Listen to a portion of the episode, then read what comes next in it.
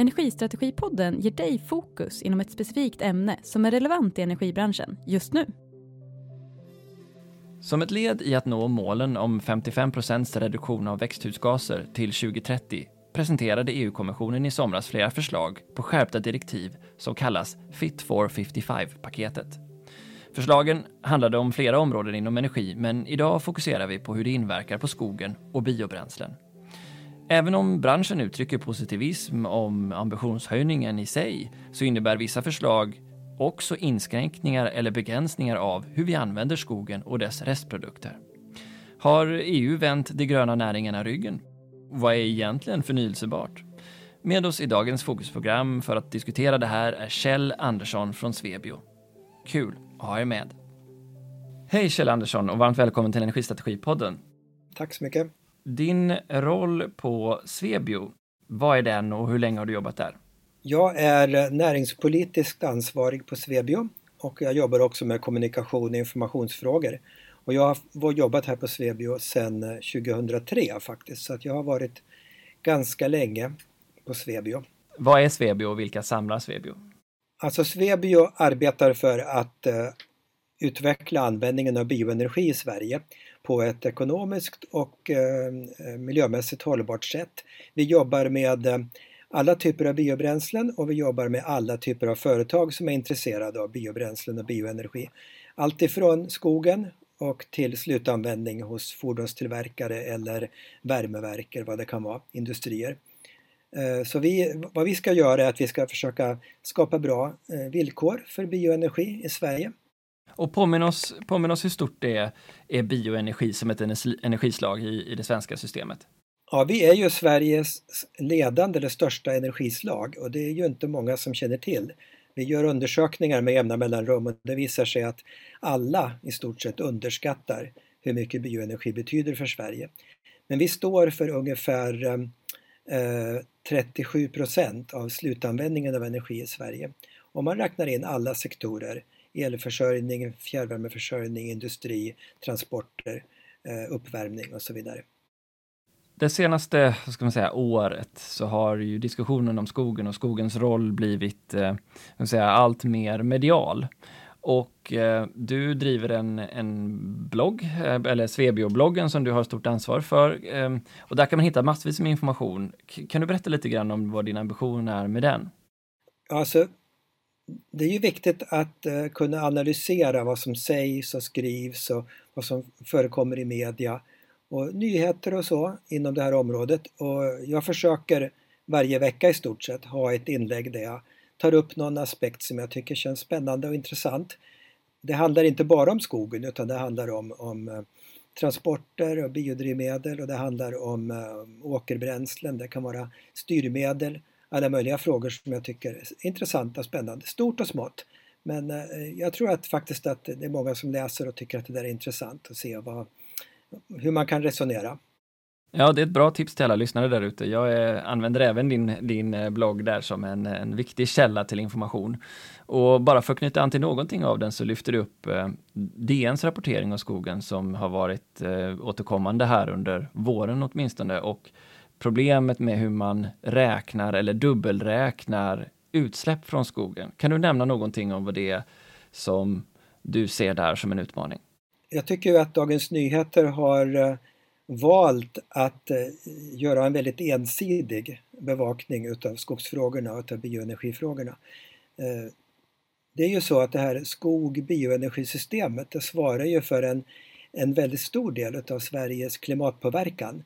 Och i all huvudsak är det här en positiv påverkan. Alltså skogen binder in ungefär 160 miljoner ton koldioxid varje år från atmosfären och eh, den lagrar varje år upp ungefär 40 miljoner ton extra år för år. Och vi har idag dubbelt så mycket stående skog som vi hade för 100 år sedan. Också under de sista årtiondena så har vi fortsatt att lagra upp väldigt mycket biomassa och kol i skogen. Samtidigt som vi då använder en väldig massa bioenergi och vi producerar en massa förnybara nyttiga produkter som byggnadsvirke och papper som kan ersätta plast och så vidare. Men den där statistiken verkar ju inte helt lätt att hålla reda på då. Nej, det kan man säga, men det här mäter man väldigt noga faktiskt från Riksskogstaxeringen och Sverige rapporterar varje år in till klimatkonventionen och till EU eh, Eh, hur mycket kol som binds in i skogarna, hur mycket växthusgaser vi släpper ut i samhället och så vidare. Och så vidare. Dagens Nyheter har eh, redovisat den här, de här beräkningarna, klimatberäkningarna på ett fullständigt missvisande sätt så att deras läsare får ett intryck av att vi släpper ut oerhört mycket mera med större mängder koldioxid i Sverige än vad vi faktiskt gör. Och jag tycker att det är ganska upprörande att de inte har lyft luren till Naturvårdsverket och frågat hur man ska räkna. För de räknar fel helt enkelt. Och det, blir, eh, det skapar förvirring i debatten och ger en, en helt felaktig bild av hur, hur eh, den svenska skogen eh, påverkar klimatet och hur, vilka utsläpp vi har i Sverige. Om jag förstår det här rätt så är det så att man då dels har tagit den här eh, siffran om hur mycket skogen binder in, närmare 40 miljoner ton varje år, och så, som egentligen är en nettoberäkning av det som skogen tar upp och det som vi förbrukar och förbränner i slutändan. Och, och det DN har gjort här, det är att man, man har lyft ut eh, förbränningen och tar det som en extra post vid sidan om den här nettoberäkningen. Ja, just det, så är det. Det är ju så, alltså man kan säga att när man gör den här, den här beräkningen i skogen inom det som kallas för LULUCF, alltså Land Use, Land Use, Change and Forestry, då mäter man i praktiken hur mycket kol var det vi tog ut ur skogen. Eh, både för produkter och för energi. Så det är redan beräknat där. Och därför så ska man räkna förbränningen som noll. Och det gör man i klimatrapporteringen globalt och internationellt. Men DN lägger till då alla de här biogena koldioxidutsläppen. Och då får man ju en dubbelräkning som gör att, att det blir helt förvirrande alltihopa. Varför tror du det blir så här då? Varför hamnar vi i det här läget att det blir så himla snett? Ja, i det här fallet så beror det på att eh, det finns ett antal eh, miljöorganisationer och eh, en del forskare internationellt som också tror jag, ganska medvetet gör den här felaktiga beräkningen. De, de, de tror kanske, eller de vill få oss att tro att här finns något fel i beräkningsmetoden. Det är inte så. Men, men de sprider gärna den uppfattningen. Och då blir det så här att de har problemformuleringsmonopol kan man säga för den här typen av frågor. Och eh, Dagens Nyheter använder dem som sin huvudkälla. Det är de som får, får ställa frågorna på något sätt och sen ska resten av samhället svara. Så jag tror att det, det beror på att, eh, att eh, man inte har satt sig in i frågan tillräckligt och man litar på eh, några sagesmän från de här organisationerna. tror jag. Nu nämner du LULUCF då, Land Use, Land Use Change and Forestry, som är en del av det som kommissionen lämnade förslag på inom ramen för Fit for 55-paketet som kom här 14 juli i somras. Och vi tänkte fördjupa oss lite grann i några av de förslagen och hur de påverkar delar av det lagstiftningsutrymmet som, som kommer nu, eh, eh Fit for 55-paketet och som direkt berör skogen här idag. Eh, och eftersom du gled in på LULUCF så tänker jag att då, då, kan vi ju börja där. Kan du ge oss lite grann kontexten till den här, det här förslaget från kommissionen? Ja, det är ju så här att i Sverige så består ju LULUCF, eller det som påverkar LULUCF allra mest, det är då hur vi brukar skogen. Så att aktivt skogsbruk, det är liksom den stora delen utav våra, våran rapportering inom den här markkategorin. Då. Det är också så att man mäter förändring av markkol i jordbruksmark och man mäter eh, kol som finns i träprodukter och lite annat. Men det är skogen som är det viktiga i Sverige. Och vi har då ett överskott hela tiden, alltså vi binder in mera kol i skogen än vad vi tar ut. Och eh, det är det som rapporteras då. Och eh, upptaget, nettoupptaget i den svenska skogen ligger någonstans kring 36 till 38 miljoner ton koldioxid. Eh, varje år. Ehm, ja förresten, jag tror att jag sa fel där. Jag tror att det, det är netto, LULUCF-siffran är 36 till 38 miljoner ton och skogen tar faktiskt upp lite grann mer, 40 ungefär. Och så är det de där andra, andra kategorierna också. Och då har EU-kommissionen satt som ett mål att man ska öka det här upptaget i skogarna i Europa eh, eller nettot i LULUCF-beräkningarna från ungefär 225 miljoner ton som man har i år i Europa upp till 310 miljoner ton koldioxid för hela EU. Då. Och ett ökat upptag det innebär då att man i praktiken måste eh, spara mer virke i skogen. Det är den enda posten tror jag som kan ge så stora förändringar. Eh, och för, särskilt för Sveriges del eftersom nästan hela nettot i Sverige är upptag i skogen. Och det här betyder då att om Sverige då ska få ett högre beting så måste vi minska avverkningarna. Målet som EU har satt upp här är 47 miljoner ton och vi ligger alltså som jag sa ungefär kanske på 36. Så vi ska öka upptaget med 11 miljoner ton om året enligt det här målet då, som vi ska redovisa till EU. Och hur mycket innebär det i minskad avverkning i så fall om man skulle? Ja, jag har gjort en väldigt grov eh, överslagsberäkning då och kommit fram till att det handlar ungefär om 16 procent av den svenska avverkningen som man skulle behöva reducera med. Och hur tar man då hänsyn, tänker man ju då såklart, till skogens positiva nettoeffekter i det att man vill använda trä för byggnader eller trä som insatsvara för, eller som ersättning för andra mer fossilt drivande produkter? Ja, de här substitutionseffekterna som finns, de mäts egentligen inte alls, utan de uppkommer ju till exempel i de länder dit vi exporterar eh, våra produkter. Eh, därför att då kan de använda mindre betong kanske i byggande eller de kan eh, eh, använda mindre andra material till förpackningar och så vidare. Va? Så att eh, eh, substitutionsnyttan mäts inte på samma ställe om man säger så. Och i viss mån så används ju också, blir ju de här substitutionseffekterna i Sverige när vi använder biobränslen så har vi då ersatt olja och kol och sådär. Så att eh, här i Sverige ser vi ändå en effekt. Då. Vad jag tänkte mer så här, du säger att det ska minska med 16 procent. Det är nog svårt för någon som kanske inte jobbar i skogen att förstå hur stor påverkan det skulle ha på svensk skogsindustri. Kan, vad, vad, vad, hur bedömer du det? Men säg då att, att det handlar om en sjättedel eller något sånt där utav all vår avverkning så betyder ju det också att det handlar om en sjättedel av, av våran tim, timmerproduktion, våra sågverk, våra massabruk och så vidare. Och så vidare. Det handlar ju om betydande bortfall av sysselsättning och exportinkomster. Man ska ju veta då att skogsindustrin är ju Sveriges största nettoexportör. Jag har ingen aktuell siffra riktigt men det handlar om storleksordningen 150 miljarder om året eller någonting sånt. Så att det här är ju ett, ett bortfall av, av ekonomi och, och sysselsättning i Sverige och ett bortfall av inkomster för Sveriges 300 000 skogsägare som ju då har en eh, mindre möjligheter att sälja sina produkter. Är det här också kopplat till eh, avverkningstekniker om man får använda hur, man, hur, hur själva skogsbruket ska gå till eller är det här bara om volymer? Ja, det här, I det här fallet när det gäller LULUCF så, så blir det nog i praktiken bara en fråga om volymer. Eh, däremot så finns det ju i eh, förslag, andra förslag, till exempel det som kallas för taxonomin eller i det nya ehm, förslaget till eh, reviderat förnybart direktiv så finns det en massa nya detaljerade förslag om hur vi ska bedriva vårt skogsbruk som innebär nya restriktioner då för, för skogsägare och så. Ja, men då återkommer vi till den då under, under förnybart direktivet, RED. Um, om man nu tänker sig då att vi lämnar 16 eh, mer volym kvar i skogen, eh, blir det en bestående klimatnytta av det? Eller hur ser det ut?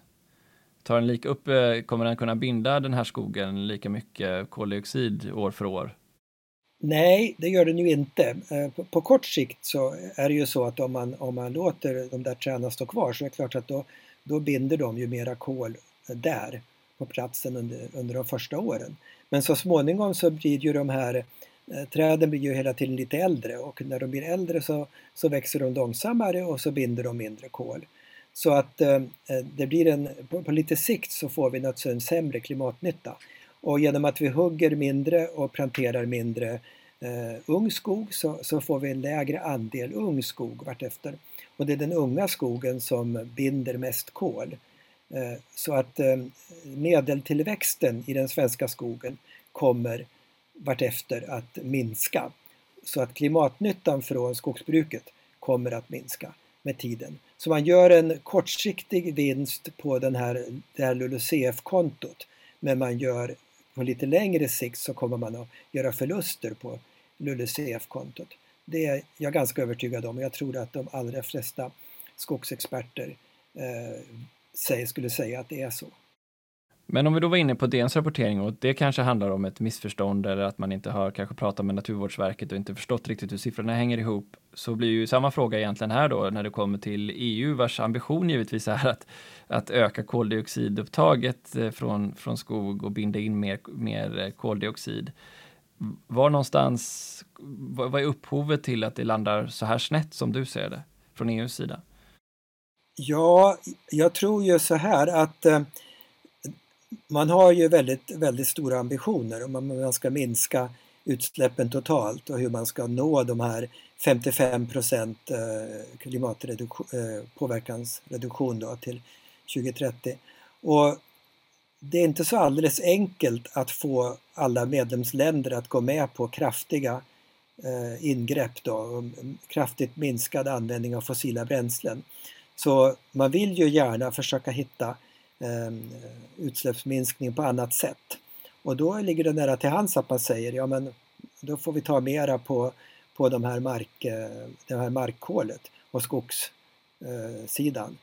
Eh, eh, och ehm, de här aktiva skogsländerna som Sverige, Finland, Österrike är ju kan man säga minoritet inom EU-familjen. Så att det, det, det, är klart, effekten blir ju den då att, att för att andra länder de som använder mycket fossila bränslen, mycket naturgas, mycket olja, mycket kol. För att de ska kunna släppa ut något mera så, så får vi då kompensera. Spara i kompensera och spara i skogen. Det blir ju effekten. Och det handlar ju om politisk makt, alltså vilka är det som utgör majoritet och minoritet inom EU-familjen.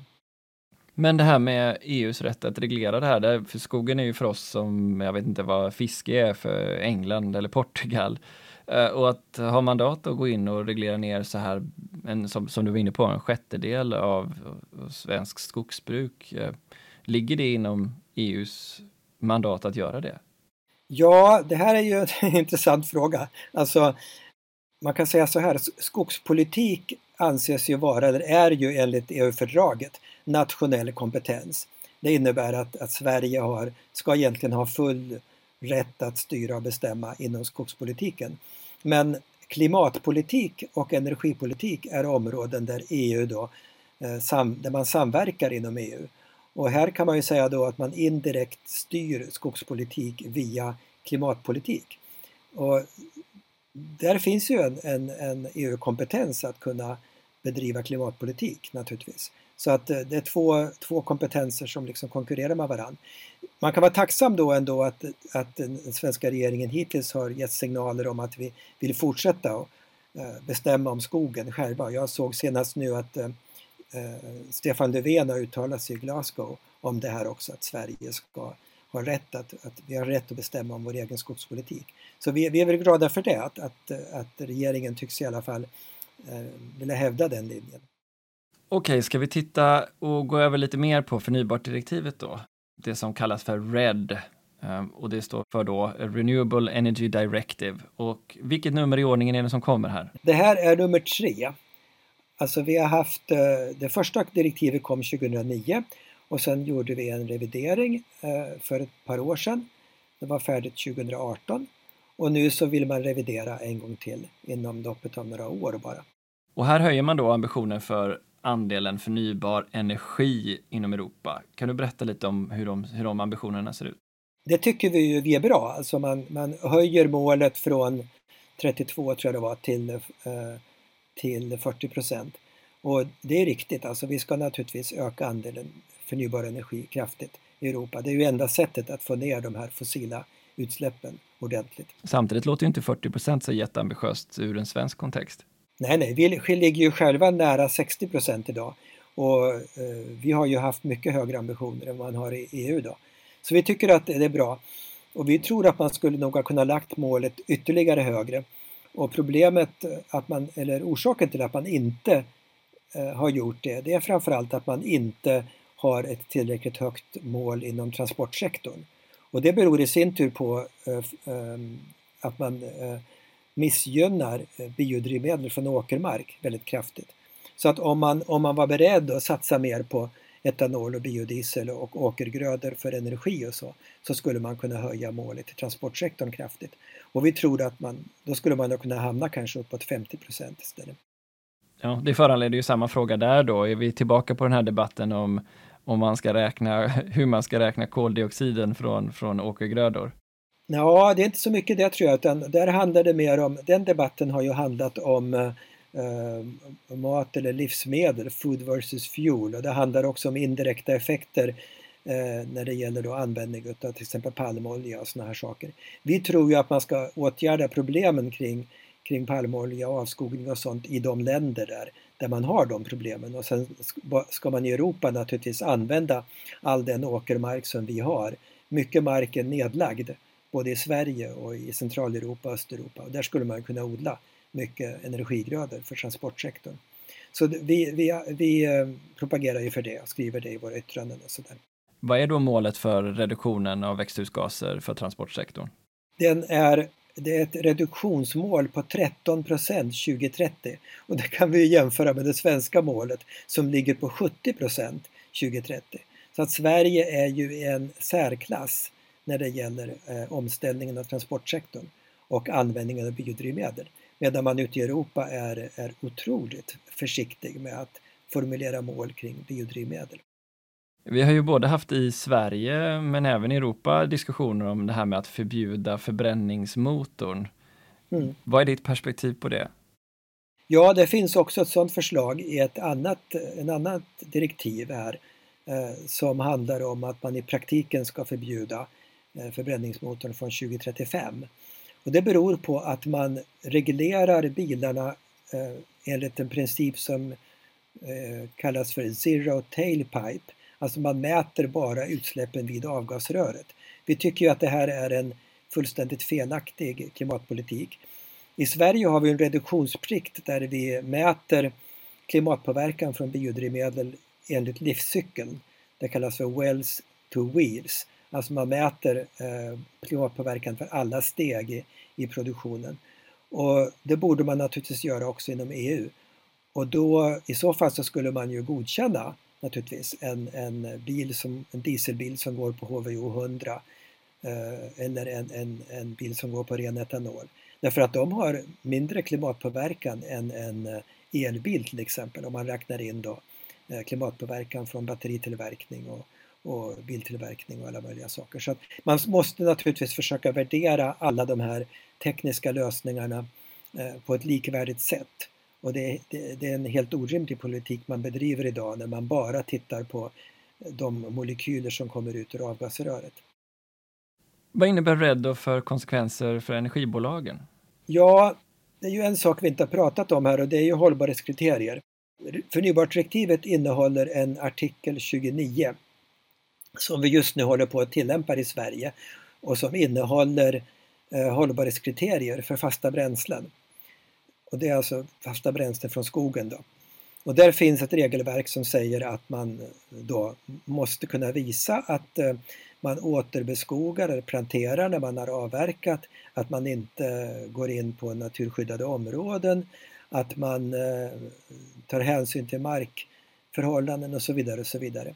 Eh, som då ska visa att det här är hållbart tillverkade eh, bränslen. Då. Och eh, man kan värdera det där utifrån en riskanalys.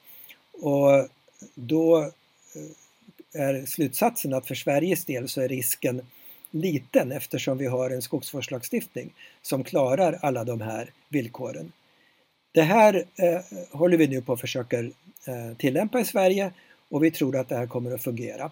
Men man måste ha koll på allt sitt bränsle väldigt noga ända från leveransen ut i skogen och det har vi via biometria och på andra sätt så kan vi se till att vi har en, en heltäckande rapportering.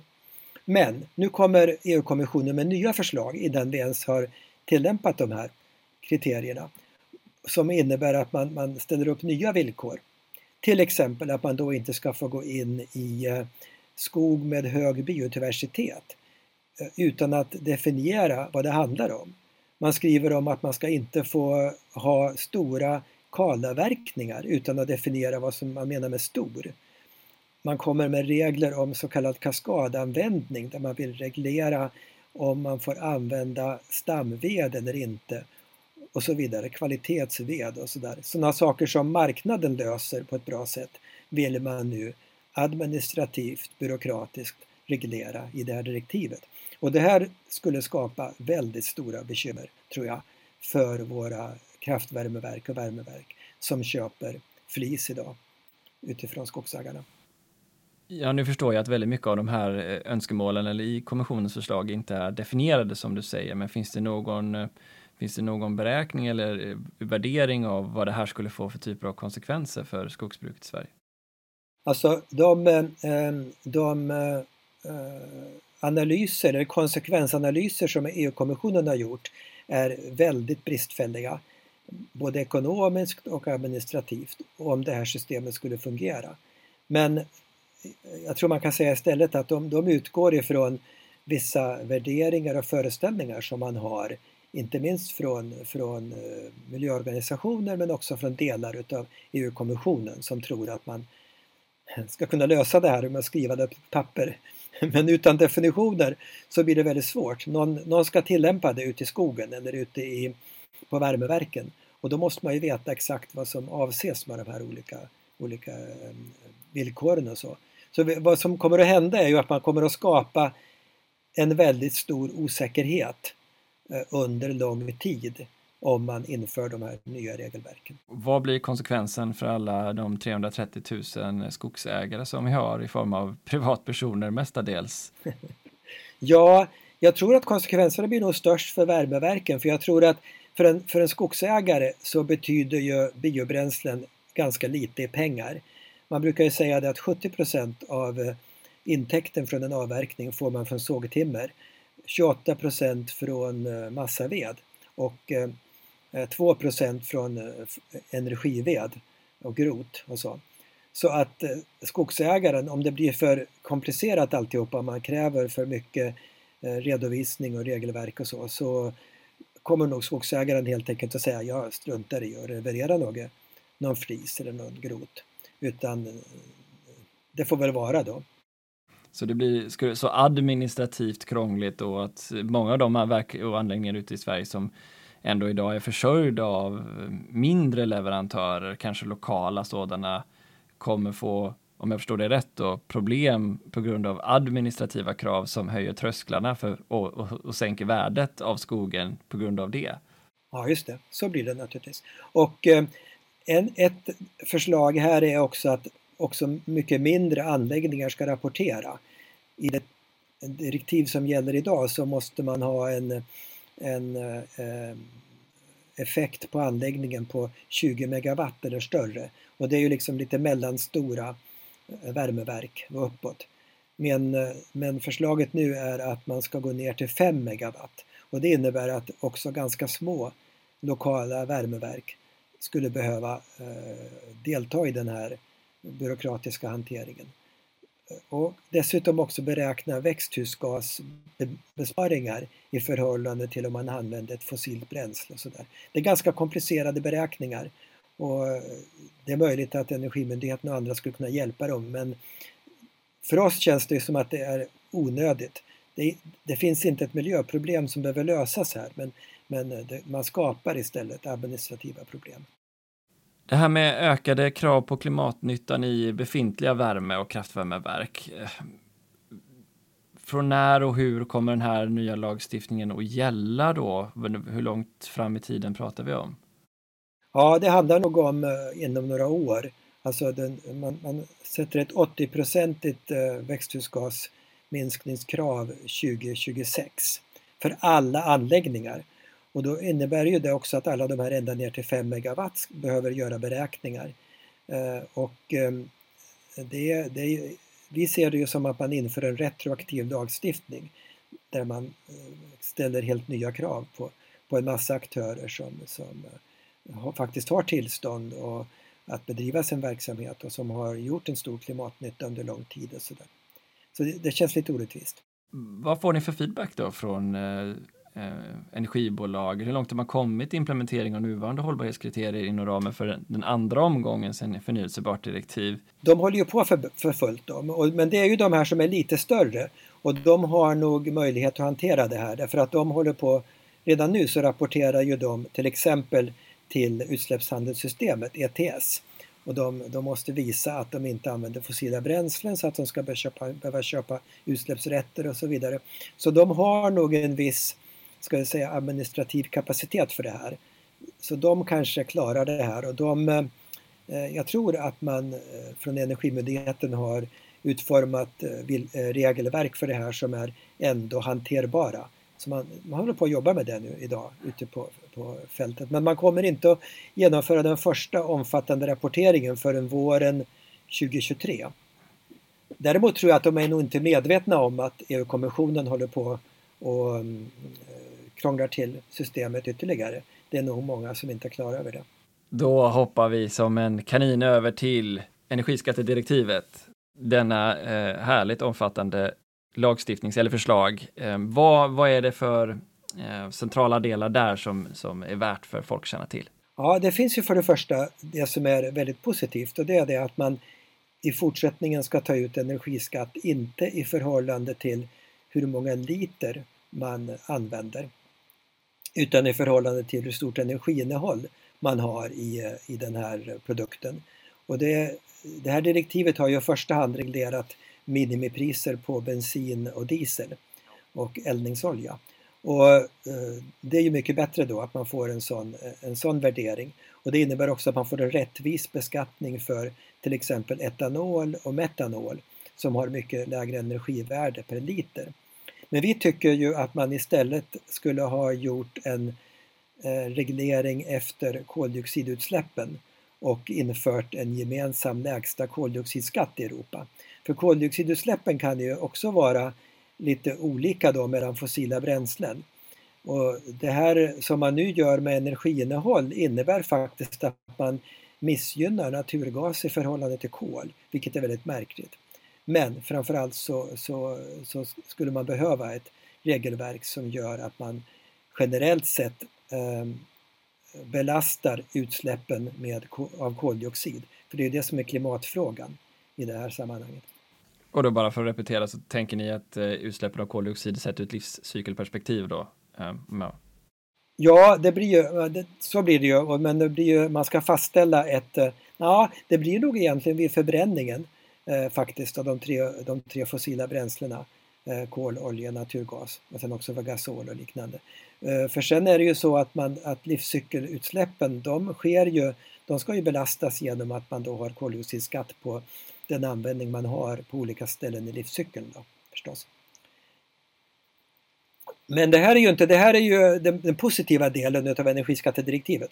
Sen finns det ju Lite, allvarliga ja, problem. Precis, det, för det finns någonting där om, om minimiskattenivåer också eh, ja. för eh, konventionella biodrivmedel.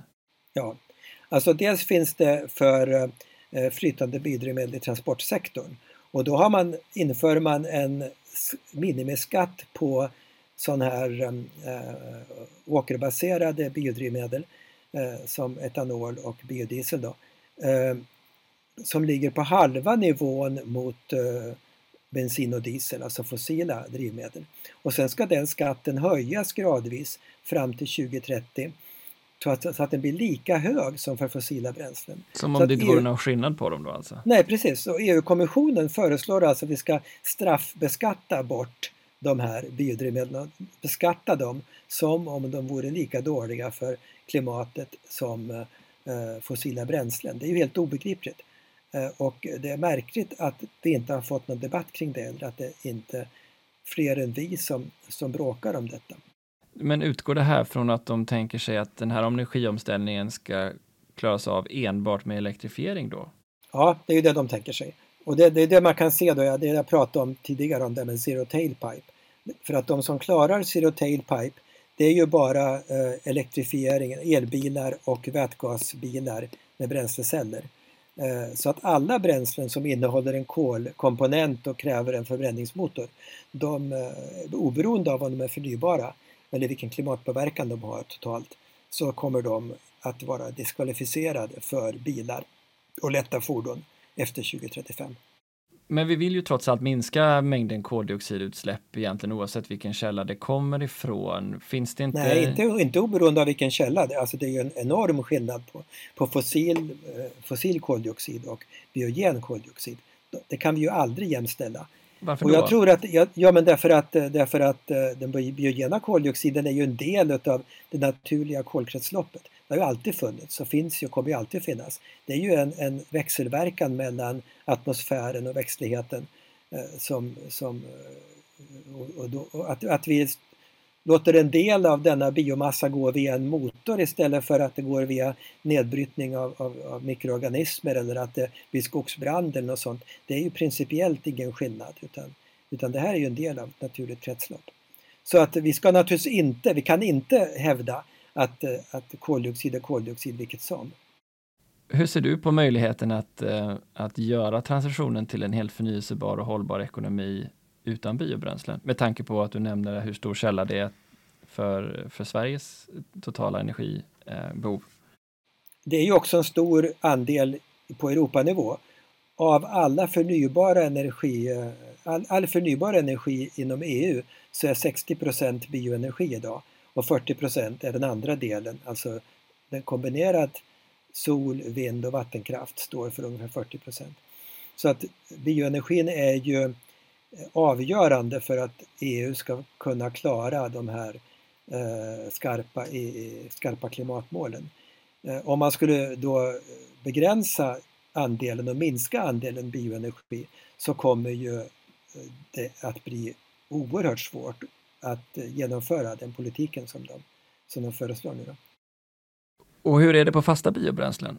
Huvuddelen av de här biobränslena som används inom EU är nog fasta biobränslen eh, flis och pellets men också brännved och eh, på många länder använder ju också mycket olika, olika, många, olika typer av restprodukter från, från eh, jordbruket och eh, från vinodlingar eller vad det kan vara. Allt möjligt. Allt möjligt material. Och biogena avfallsprodukter naturligtvis. Returträ eh, och allt möjligt som man samlar in som, som annars skulle hamna på soptippar och så. Och då blir man ju nyfiken då, hur eh, behandlar energiskattedirektivet de fasta biobränslena utifrån skatt? Ja, här föreslår man ju märkligt nog en, också en minimiskatt på träbränslen. Bara. Alltså flis och... Ja, Eh, just det. Träbränslen och eh, träkol faktiskt. Man har då eh, angett det här som två sådana här KN-nummer eh, i den här gemensamma nomenklaturen inom EU. Och eh, det ena, det ena är då olika typer av träbränslen, eh, allt möjligt som kommer från skogen och sen är det träkol. Men, men däremot inte bränslen från åkermark. Men jag vet inte ens om det finns ett KN-nummer för dem faktiskt, halm och vad det nu kan vara. Men, men för eh, ved, flis, pellets, eh, returträ allt detta så skulle man alltså betala en minimiskatt enligt det här förslaget. Det här är ju också då konsekvenser. Hur, hur stor skulle den här skatten vara? Ja, den, blir, den är då inte så eh, allvarlig som den där skatten jag pratade om tidigare för åkerbaserade biodrivmedel. Men den är ehm, ändå besvärande. Säg att den är storleksordningen ett par kronor per megawattimme och det betyder väl någon, ett par procent kanske eh, höjning av priset. Men det blir ju högre för eh, till exempel för pellets eh, och det har att göra med att man mäter per, per energiinnehåll då. Så att egentligen miss...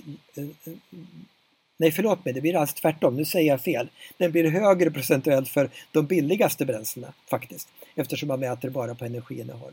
Så att man missgynnar egentligen olika typer av återvinnings och avfallsbränslen. Ja, men förklara det här för mig då. För eh, så vitt jag förstår så är träd fortfarande koniska i Sverige. Det stämmer väl mm. som antagande ja. och det innebär väl då att vi får restflöden om vi ska ta ut en planka ur ett träd. Vad är som du förstår det syftet med då beskatta användningen av restflödena från det som vi vill använda som substitut för annan fossilproduktion? Ja, alltså jag har inte riktigt lyckats lista ut det. Det, alltså, det, det finns egentligen ingen eh, tydlig eh, argumentation för det här. Alltså, vi tycker att det är väldigt märkligt att man, man bestraffar vissa typer av förnybar energi och inte andra då med en skatt. Möjligen är det så att man anser att eh, de här minimiskatterna både ska, ska försöka reglera klimatfrågan men också andra, annan miljöpåverkan. Och jag tror att det finns en diskussion då i en del kretsar om att förbränning alltid ger någon typ av miljöpåverkan. Alltså utsläpp då utav, utav partiklar eller vad det kan vara, metan eller något sånt, från förbränningen utöver koldioxid. Och jag kan möjligen tänka mig att det handlar om, om, om det då, men det står inte tydligt faktiskt i förslaget att det ska vara så. Eh, utan jag tror att det här är ett resultat av, av lobbying, alltså från, från grupper och, och eh, intressenter som inte vill att vi ska förbränna biomassa helt enkelt. Vad blir konsekvenserna då mellan olika sektorer och branscher nu när vi får, kan få mer av ett lapptäcke av olika typer av specialistskatter eller specialskatter riktade mot särskilda eh, ändamål och energibärare? Ja, det, det, blir ju, det blir ju allt mindre, vad ska jag säga, logiskt och allt, allt sämre eh, samhällsekonomisk eh, träffsäkerhet i de här, de här styrmedlen. Ett exempel är ju det här när man har, man har utsläppshandel i ETS som eh, begränsar utsläppen i alla stora anläggningar. Elproduktionsanläggningar, kraftverk, tung industri, stålverk, eh, cementfabriker och så vidare. Och sen föreslår man nu ett, ett sånt här kompletterande ETS-system för byggnaders uppvärmning och för transportsektorn. Och då måste vi förklara har... ETS för det har vi inte gått in på än. nej, nej. nej. ETS betyder Emission Trading System eller Scheme. Och det är alltså eh, ungefär 13 000 anläggningar i Europa som alla får betala för sina utsläpp via att de ska ha utsläppsrätter. Och de har ett värde, man handlar med dem på en börs. Och de har idag en kostnad eller ett värde på 60 euro per ton koldioxid. Och det är, det är ett mycket starkt styrmedel som gör att man, det lönar sig att minska utsläppen och att byta bort kol, olja och gas mot, mot annan energi eller energieffektivisering. Och det är ett mycket bra system, vi stödjer det. Men nu vill man utvidga och ha ett liknande system för till exempel byggnaders uppvärmning.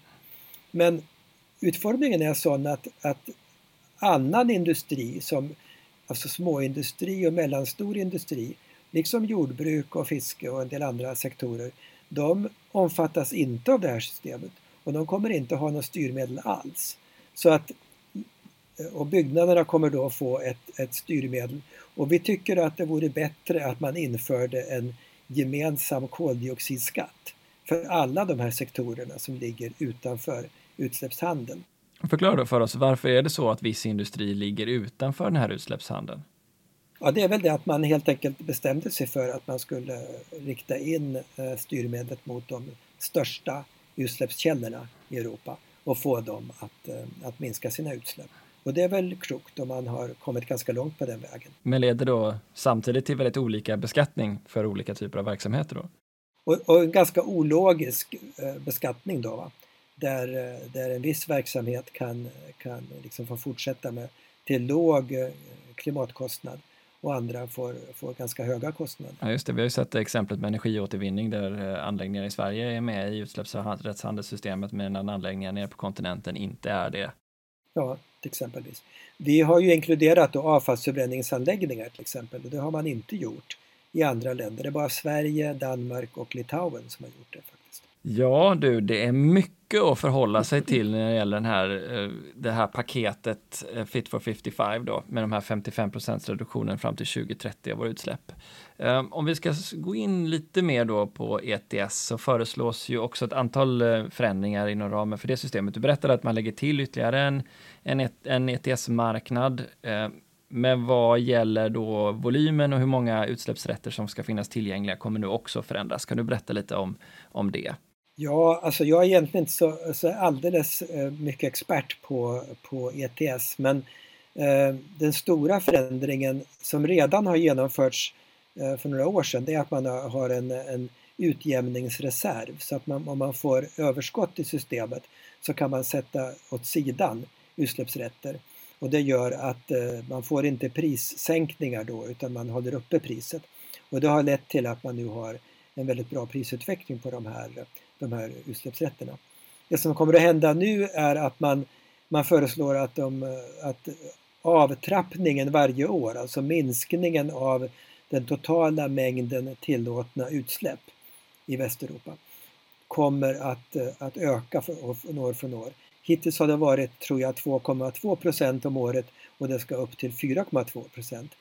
Och det är en ganska betydande skärpning och det kommer att leda till att man får eh, en ytterligare prishöjning på utsläppsrätterna.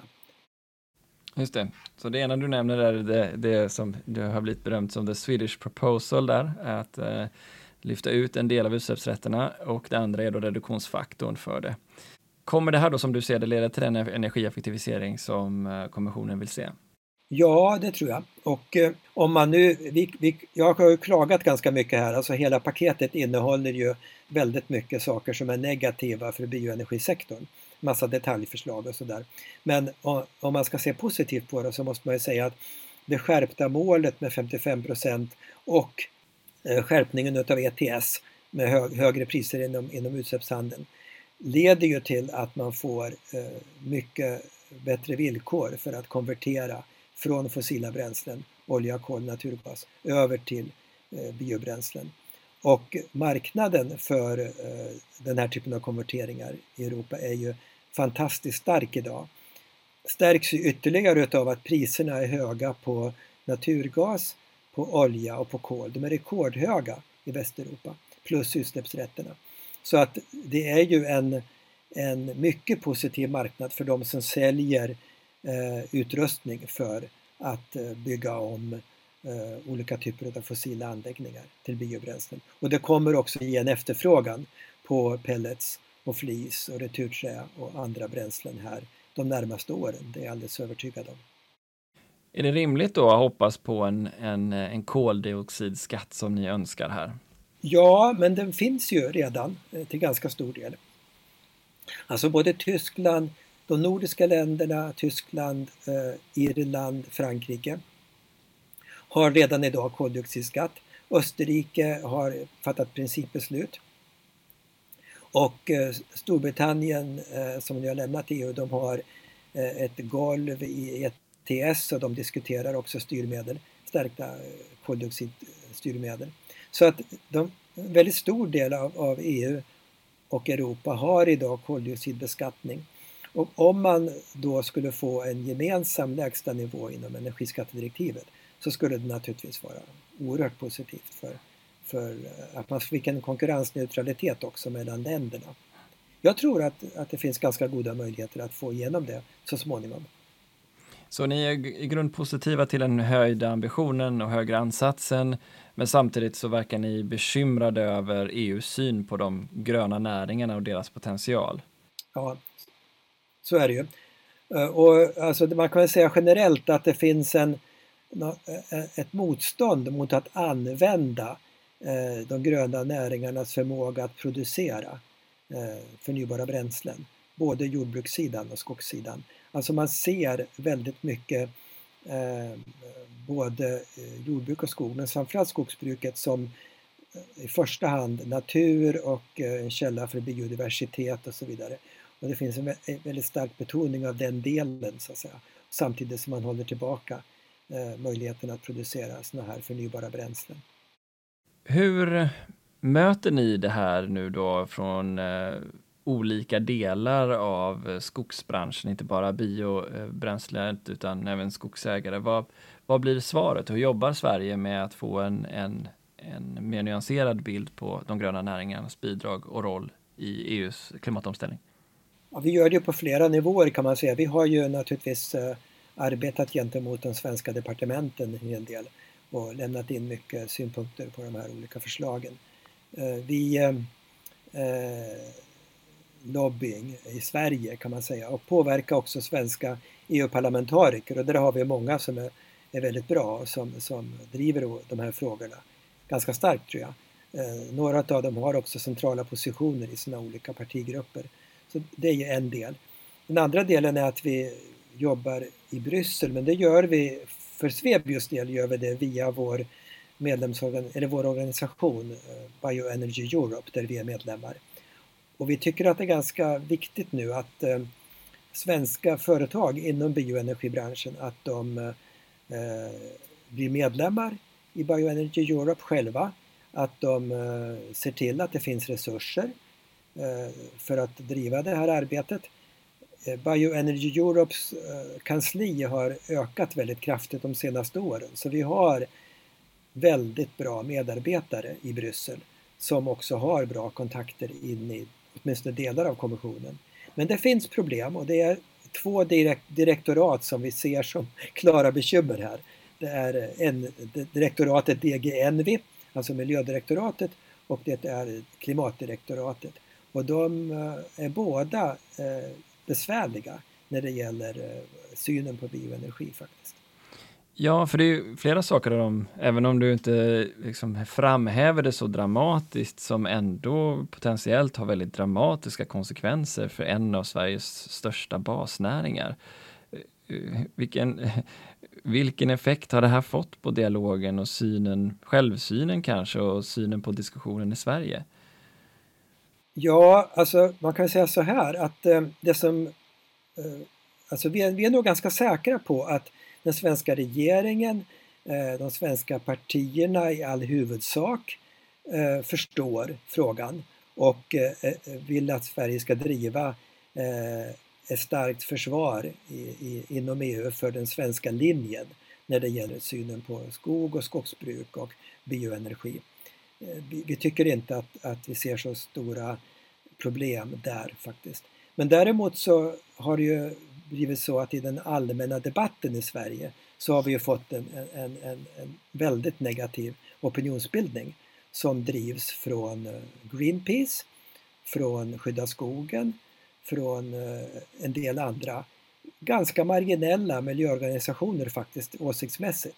Men de har också fått starkt genomslag, de och deras företrädare, eh, i några starka svenska media.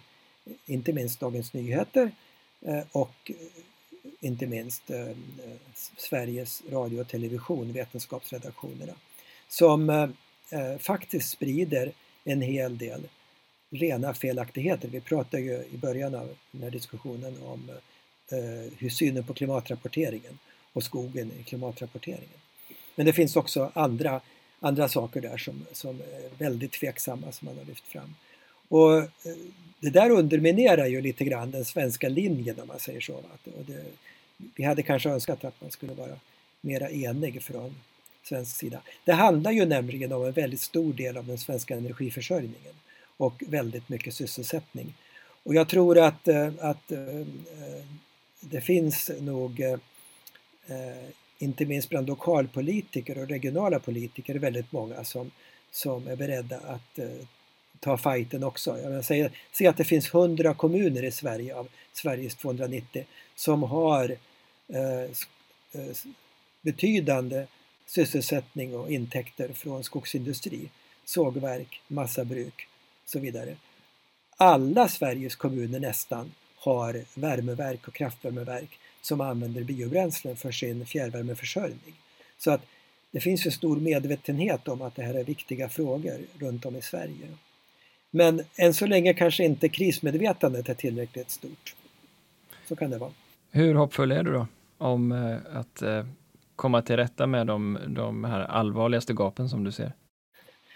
Ja, eh, jag litar väl på att eh, de svenska företrädarna, svenska regeringen Eh, och eh, svenska myndigheter och så kommer att ehm, driva en profilerad stark linje i de här frågorna i de kommande förhandlingarna. Vi kan väl dra en parallell då med, med eh, det svenska snuset. Alltså, ehm, man var från Sveriges sida beredd att ta en hård fight för svenskarnas rätt att få lägga in en pris. Vi tycker kanske att uh, det är en större fråga och uh, ännu mer självklart att man tar en fight för rätten att få bedriva skogsbruk på det sätt som vi själva vill och för möjligheten att få bränslen till våra värmeverk och vår fjärrvärme i Sverige. Faktiskt. Tack så hemskt mycket för att du var med i Energistrategipodden, mm. Kjell. Tack. Tack, hej.